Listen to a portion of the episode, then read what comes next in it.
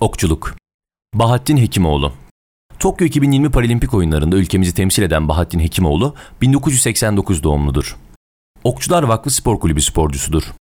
Kariyerinde ilk kez Paralimpik oyunlarına katılacak olan Hekimoğlu, 2019 Dünya Para Okçuluk Şampiyonası'nda bireysel ile takım kategorisinde altın madalya kazandı. Tokyo 2020'de W1 bireysel ile W1 karışık takım kategorisinde ülkemizi temsil ediyor.